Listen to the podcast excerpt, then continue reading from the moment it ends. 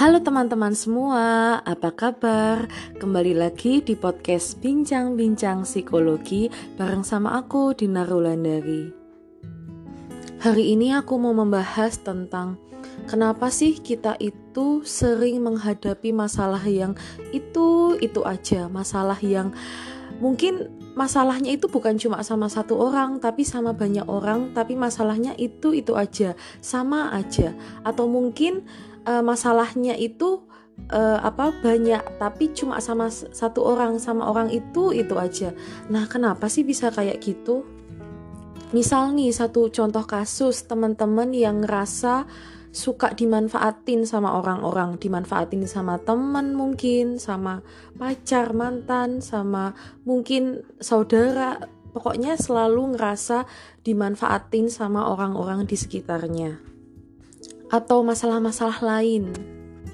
Misalnya, kenapa selalu ketemu sama pasangan yang toksik, yang entah abusive lah, dia narsistik, dia egois, mentingin dirinya sendiri.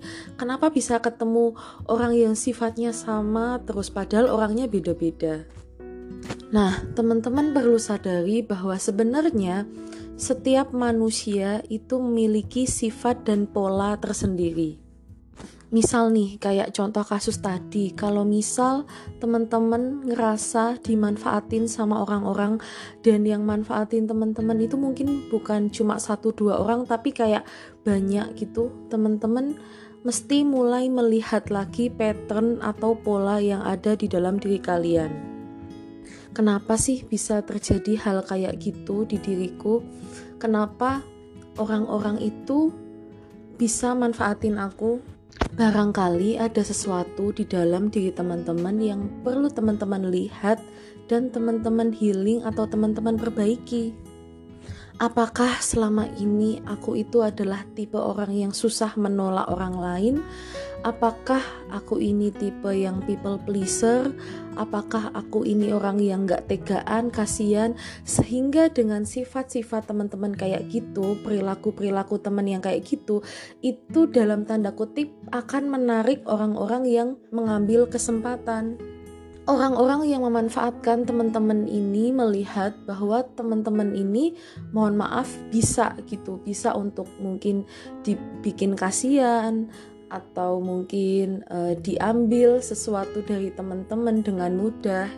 Jadi teman-teman, sebelum teman-teman itu marah sama dunia, marah sama kehidupan, kenapa sih aku ngalamin hal yang ini, ini terus, kenapa aku susah mulu? lebih baik lihat sih gimana pola di dalam diri kita.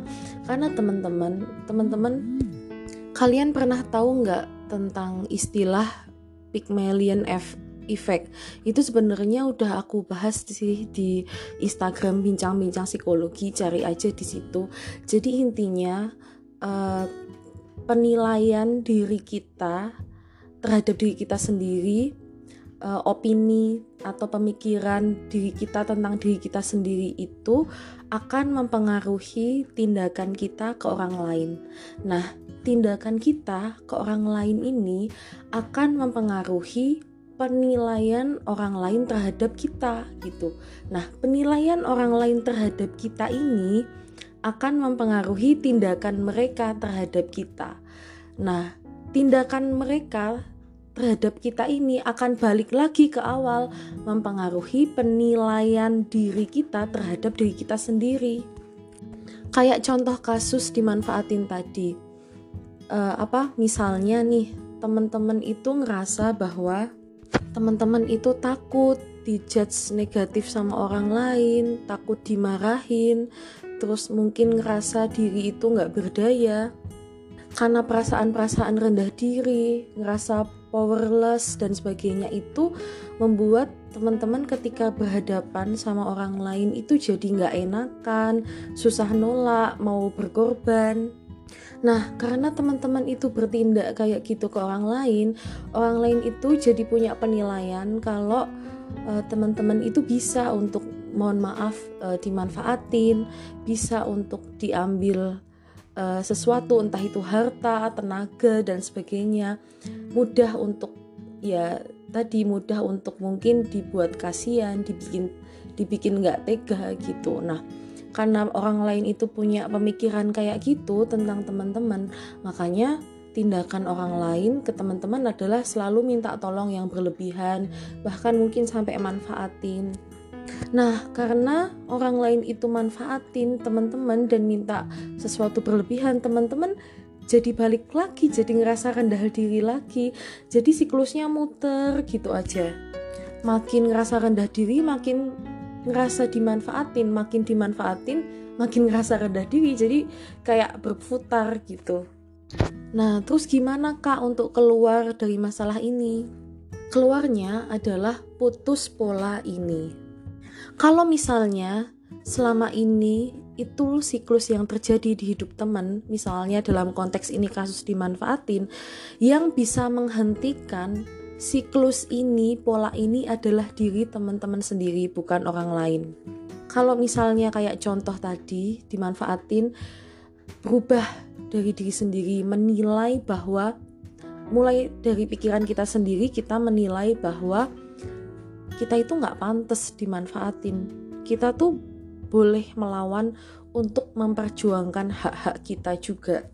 Karena kita sadar bahwa kita itu berharga, kita nggak boleh dimanfaatin sama orang lain. Karena toh selama ini kita juga nggak manfaatin orang lain kita baik sama orang.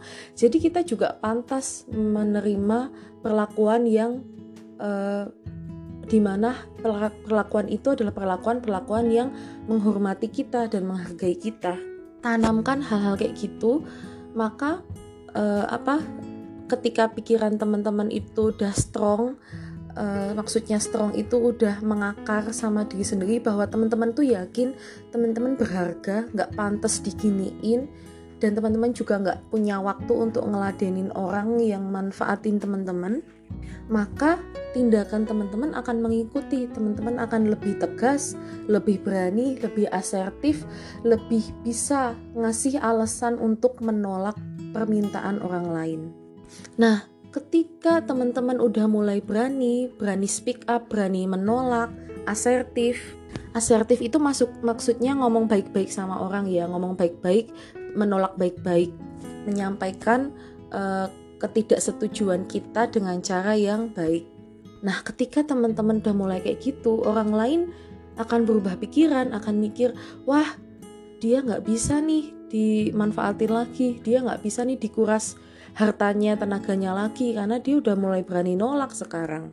Nah, ketika orang lain udah uh, berhenti manfaatin kalian, kalian juga akan berubah pandangannya terhadap diri sendiri. Ternyata aku bisa tegas dan berani ya. Ternyata aku tuh bisa untuk nggak dimanfaatin sama orang. Maka dari itu teman-teman, sadari pola-pola kayak gini di hidup kalian. Apa aja sih masalah-masalah di hidup kalian tuh yang itu, itu aja. Kayak nggak kelar-kelar masalahnya tentang itu, itu aja. Misalnya tentang percintaan nih, tentang percintaan juga masalahnya temanya itu, itu aja. Kalau nggak pasangan narsis, abusive, kalau nggak kalian mungkin ngejar-ngejar orang tapi orangnya nggak nanggepin kalian pokoknya tema-tema spesifik itu coba digali di sini apa sih peranku sehingga masalah ini terjadi? Karena teman-teman, kehidupan itu sebenarnya kayak sekolah. Ibarat kata gini, kalau di sekolah kita itu ada ujian di bab 1, terus kita itu belum paham-paham soal bab 1, kita gagal di ujian bab 1, kita pasti remedi kan? Remedi sampai kita itu lulus nilainya mencukupi sama kayak di kehidupan nyata kalau kita itu belum menyadari nih bahwa kita itu berharga, nggak bisa dimanfaatin, nggak layak buat diperlakukan seperti ini, ya kita akan dikasih remedi terus sama kehidupan, kita akan dikasih cobaan, ujian kehidupan, masalah yang itu-itu aja supaya kita itu pada akhirnya sadar bahwa diri teman-teman kalian sendirilah yang bisa menghentikan masalah ini. Diri diri diri teman-teman kalian sendirilah yang bisa punya pemikiran bahwa kalian berharga sehingga bisa memutus pola ini. Gitu teman-teman. Dan ketika teman-teman itu berhasil menyelesaikan bab itu teman-teman akan naik kelas gitu.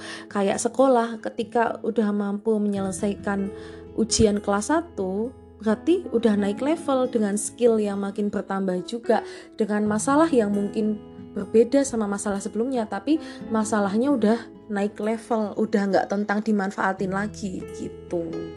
Dan aku juga mau uh, memberi saran nih ke teman-teman. Teman-teman uh, jangan pernah merasa bahwa diri kalian itu korban. Walaupun mungkin teman-teman itu mengalami hal-hal yang gak enak seperti dimanfaatin, dibully, uh, jangan pernah merasa kalian itu korban kehidupan atau mungkin menempelkan label ke diri kalian kalau kalian itu korban bully, korban kekerasan, korban dimanfaatin. Karena gini teman-teman, pikiran kita itu sebenarnya menarik hal-hal di sekitar kita gitu. Kenapa? Karena kayak e, contoh tadi kita itu meyakini bahwa diri kita itu korban gitu sehingga secara alam bawah sadar, alam semesta itu mendatangkan orang-orang itu sebagai pelaku gitu. Dan ketika kalian itu percaya atau menanamkan ke diri kalian kalau kalian ini adalah korban, kalian itu jadi seolah-olah itu nggak berdaya, nggak bisa mengubah situasi, nggak bisa mengubah keadaan. Nah terus apa dong kak namanya kalau bukan korban? Jadi kalian bisa uh, menamai posisi kalian itu sebagai survivor, survivor. Misal nih kayak para penderita kanker itu juga menamakan dirinya sebagai survivor kanker. Kenapa sih? Karena bedanya survivor dengan korban ini adalah survivor itu mau secara aktif untuk mencari pengobatan, mencari treatment, mengubah dirinya, memperbaiki dirinya supaya bisa sembuh, supaya bisa pulih. Survivor itu kan bahasa Inggris artinya pejuang ya. Jadi teman-teman itu bukan korban yang pasif yang setelah mendapatkan hal-hal yang gak enak terus jadi nggak berdaya dan nggak bisa ngapa-ngapain enggak teman-teman bisa bangkit bisa mencari pertolongan bisa keluar dari situasi ini kayak contoh survivor kanker tadi meskipun didiagnosis kanker dia masih bisa berusaha mengubah pola hidupnya gaya hidupnya makanan yang dimakan uh, mengkonsumsi obat-obatan yang dianjurkan dokter dan mungkin uh, mengikuti nasihat-nasihat dari dokter untuk bisa pulih. Dan pada akhirnya mereka bisa pulih ketika mereka sudah berjuang secara maksimal dan memang uh, udah uh, periksa sejak awal. Jadi nggak nunggu penyakitnya parah tapi udah berjuang sejak awal untuk bisa sembuh begitu juga dengan hal-hal kayak bullying dimanfaatin gitu ketika teman-teman uh, menanamkan ke diri kalian kalau kalian itu survivor bullying, survivor uh, kekerasan, teman-teman bisa bangkit dan bergerak aktif untuk mengatasi hal-hal itu. Karena teman-teman emang ketika teman-teman itu dimanfaatin atau dibully atau hal-hal yang enggak enak lainnya itu memang bukan salah teman-teman, itu adalah salah pelakunya. Tapi tanggung jawab untuk sembuh, tanggung jawab untuk mau mencari pengobatan, tanggung jawab untuk pulih itu ada di dalam diri teman-teman.